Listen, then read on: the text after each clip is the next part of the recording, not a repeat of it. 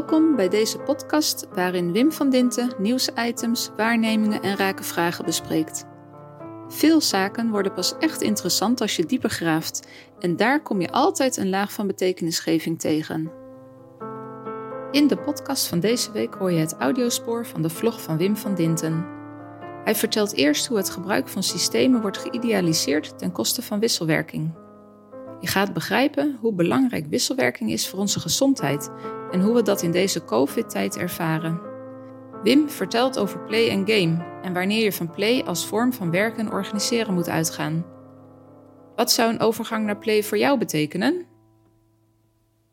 Goedemorgen, het is 12 eh, februari. Zon schijnt. Ja, ik kreeg na de vorige vlog van Martin een berichtje waarin hij zei: Ik ben het heel erg eens met die simpele oplossing voor complexe problemen, die je, waarover je vertelde. Maar ik geloof dat heel veel mensen niet zich meer kunnen voorstellen dat het zo kan werken. Ik weet niet hoe dat komt, maar ik denk dus dat die simpele oplossing voor complexe problemen niet zal gaan ontstaan. Dankjewel, Martin dat zou wel eens waar kunnen zijn wat hij zei. Want er is nogal wat weg. Om dat duidelijk te maken ga ik toch nog even in op die vorige vlog uh, waar hij het over had. Daarin vertelde ik dat in het Haagse de leuze regeert, vertrouwen is goed, begrijpen is beter. En dat als je daarvan uitgaat, dat je dan een systeem gaat hanteren om mensen te helpen, Terwijl dat systeem onmogelijk kan voldoen aan alle eisen die je daaraan zou moeten stellen om mensen in complexe problemen ook echt te kunnen helpen. Dat heeft de regering ook wel gezien. Uh, onze premier zegt daarover dat het enorm complex is om het probleem op te lossen. En dan bedoelt hij dat hij uitgaat van systemen die geprogrammeerd zijn en dat je met die systemen die mensen iets moet bieden wat bij hen past. Want het moet maatwerk zijn. In dat toeslagenbeleid, want daar heb ik het dan over, zag je dat toen meneer Wiebes werd gevraagd in de, voor de commissie, dat hij vertelde dat maatwerk gedacht met systemen onmogelijk te maken is. Want de mensen zijn in wisselwerking met hun omgeving en maken daarin van alles mee. Ze kunnen ziek worden, de crash kan uitvallen of kan zelfs frauduleus zijn. Um, kortom, de kinderen kunnen ziek worden. Het, het, kan best zijn dat wat je had gedacht voor dat jaar al na een maand is verdampt. Überhaupt is het al lastig om te zeggen hoe het hele jaar zal verlopen. Dus als je zo'n systeem hebt en je moet daarvoor een jaar tevoren geven, aangeven wat er zal gebeuren in dat jaar, dan is de kans verdomd groot dat het zo niet zal gaan. En dat bleek dus ook bij heel veel mensen. En dan werd er al gauw het stempeltje fraude opgeplakt, eh, terwijl het in feite een tekortkoming was van het systeem dat onmogelijk kan voldoen aan die complexiteit van die mensen. En dat zei Wiebes dan ook. En ik vertelde dat je het systemische moet laten vallen in zulke omstandigheden en dat je mensen moet hebben die met die mensen aan de gang gaan. Of je moet het vrijgeven, dat iedereen gebruik kan maken van een kindercrash zonder dat ze ervoor moeten betalen. Maar als je eenmaal in het probleem zit, zoals nu, dat er 20, 30.000 mensen niet goed behandeld zijn, dan kun je er een project van maken waarbij je mensen eh, contracteert die, andere, die die mensen helpen om uit de problemen te komen.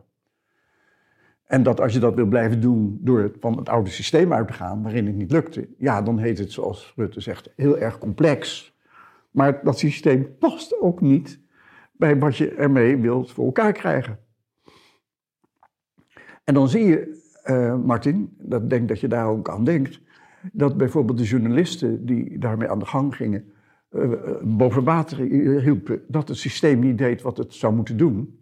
En dat de overheid daarin verstarde en, en steeds uh, idioter werd en, en mensen ging mishandelen. En dat het rechtsstelsel ook systemisch was geworden. En het systeem ging honoreren. En daarvan uitging dat het goed was. En niet meer kon herkennen dat het systeem niet paste. En daar hadden die journalisten en die paar Kamerleden natuurlijk helemaal gelijk in.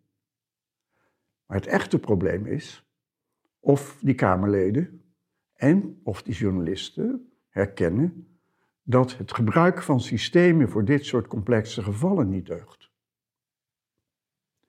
En dat is tot op heden nog steeds niet boven water gekomen. Ik bemerkte uh, vandaag in de krant dat mevrouw Van Huffelen tegen Kamerleden had gezegd: ja, het is waar dat nu 30.000 euro geven aan mensen en dat er dan gevallen bij zijn die het niet hadden moeten krijgen, maar dat komt van de haast. Dat is natuurlijk bizar.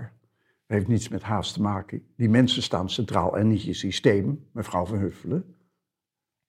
Dus de idee is nog steeds niet doorgedrongen in Den Haag. Dat een systemische oplossing zoals gekozen is, niet deugt.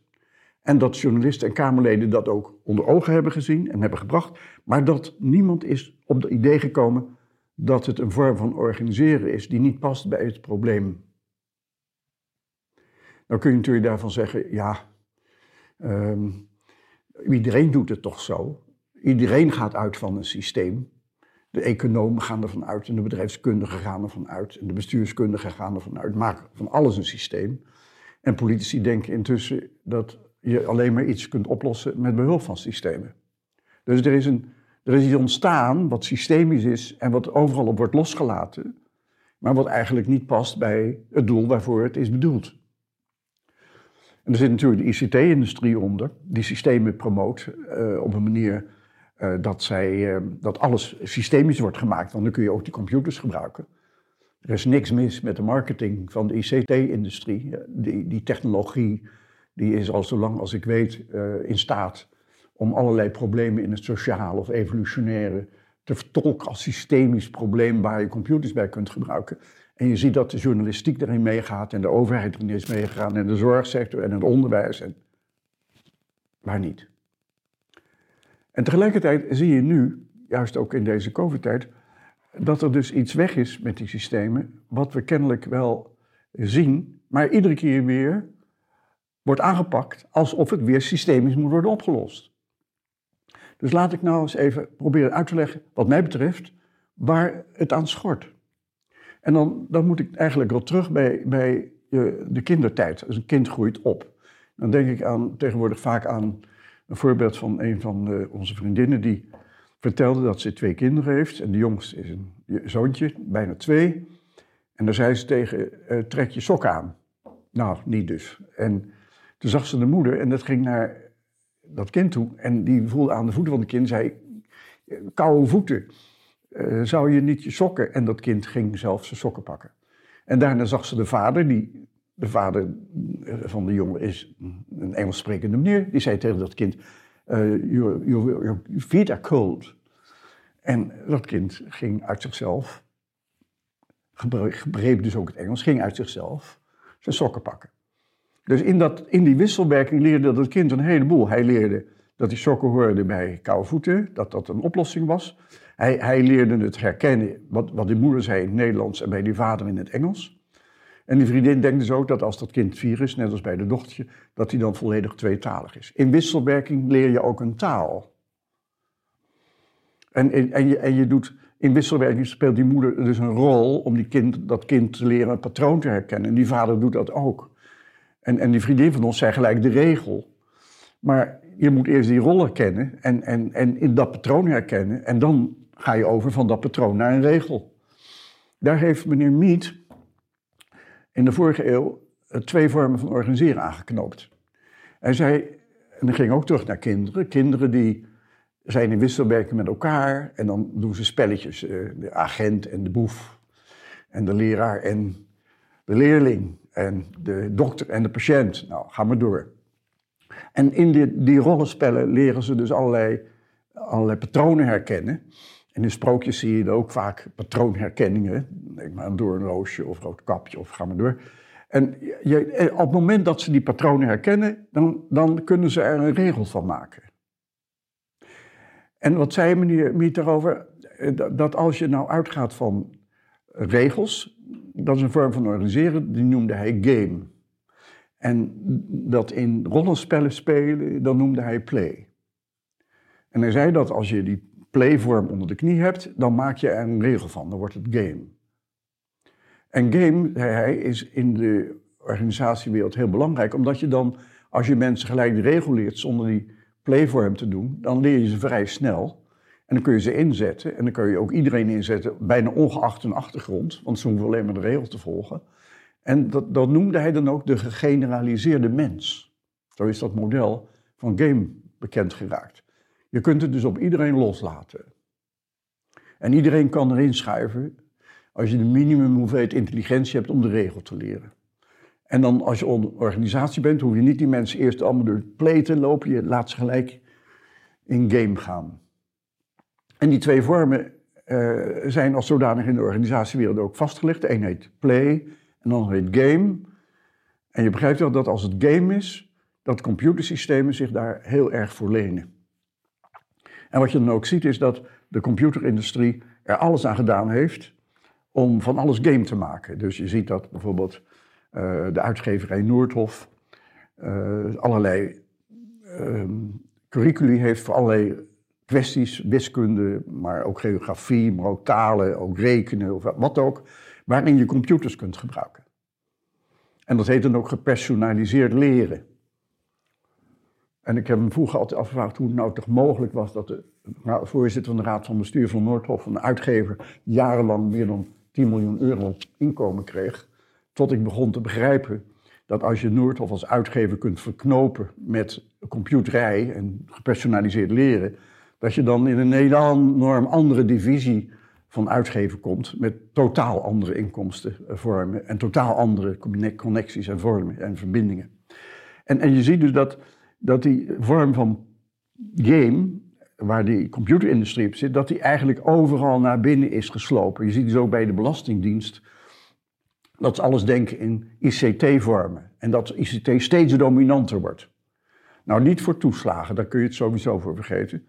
En ik denk ook dat ze de complexiteit van die systemen uh, onderschatten. Willen die systemen dus toegepast kunnen worden op mensen, tenzij je die mensen, de burger, gegeneraliseerd benadert. Hè? Want dat is dan meneer Mead weer, die, die mensen die in die gamewereld zitten, dat zijn gegeneraliseerde mensen. Iedereen mag erin mee. En en je ziet die vorm van systemisch denken, dus denken in termen van game, bijvoorbeeld terug in de NRC, dan zie je advertentie, een training in game. En dat lost van alles op.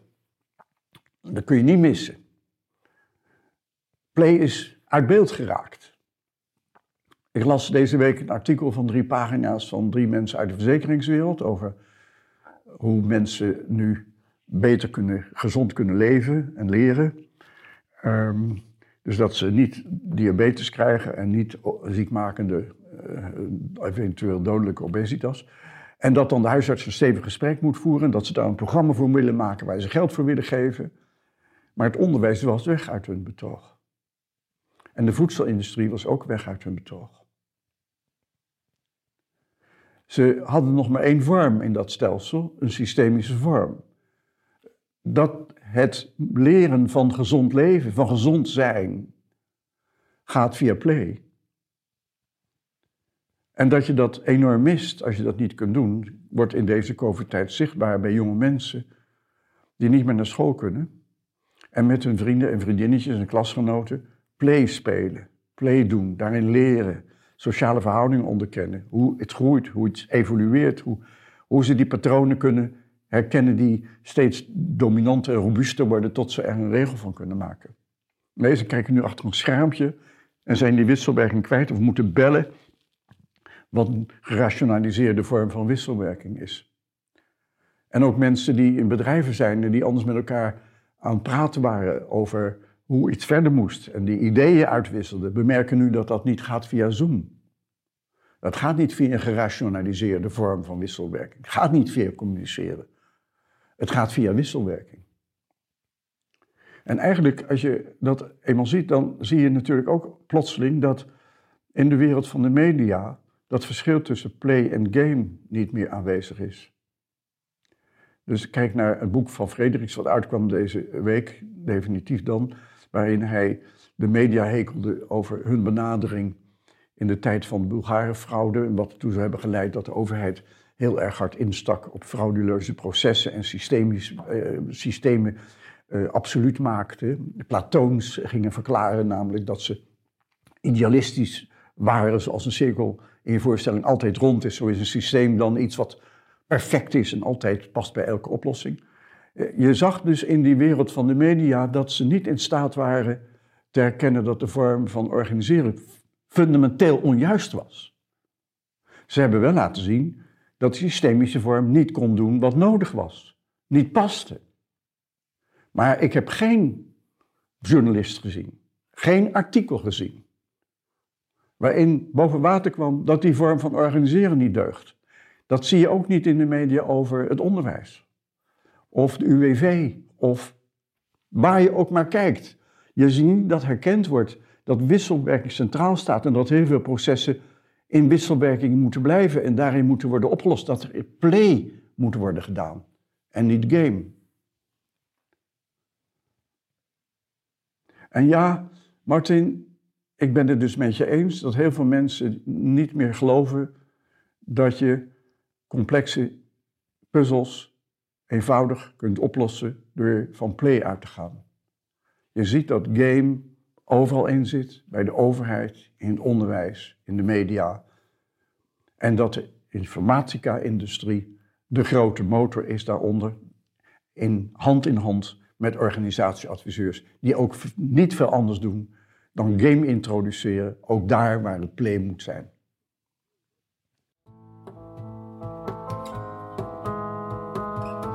Ben je nieuwsgierig geworden naar de vlog van deze podcast? Klik dan op de link die je vindt in de omschrijving. Kom je iets tegen waar we met elkaar eens grondiger naar moeten kijken? Laat het ons weten. Stuur een berichtje naar czen, of via Facebook, LinkedIn of Twitter.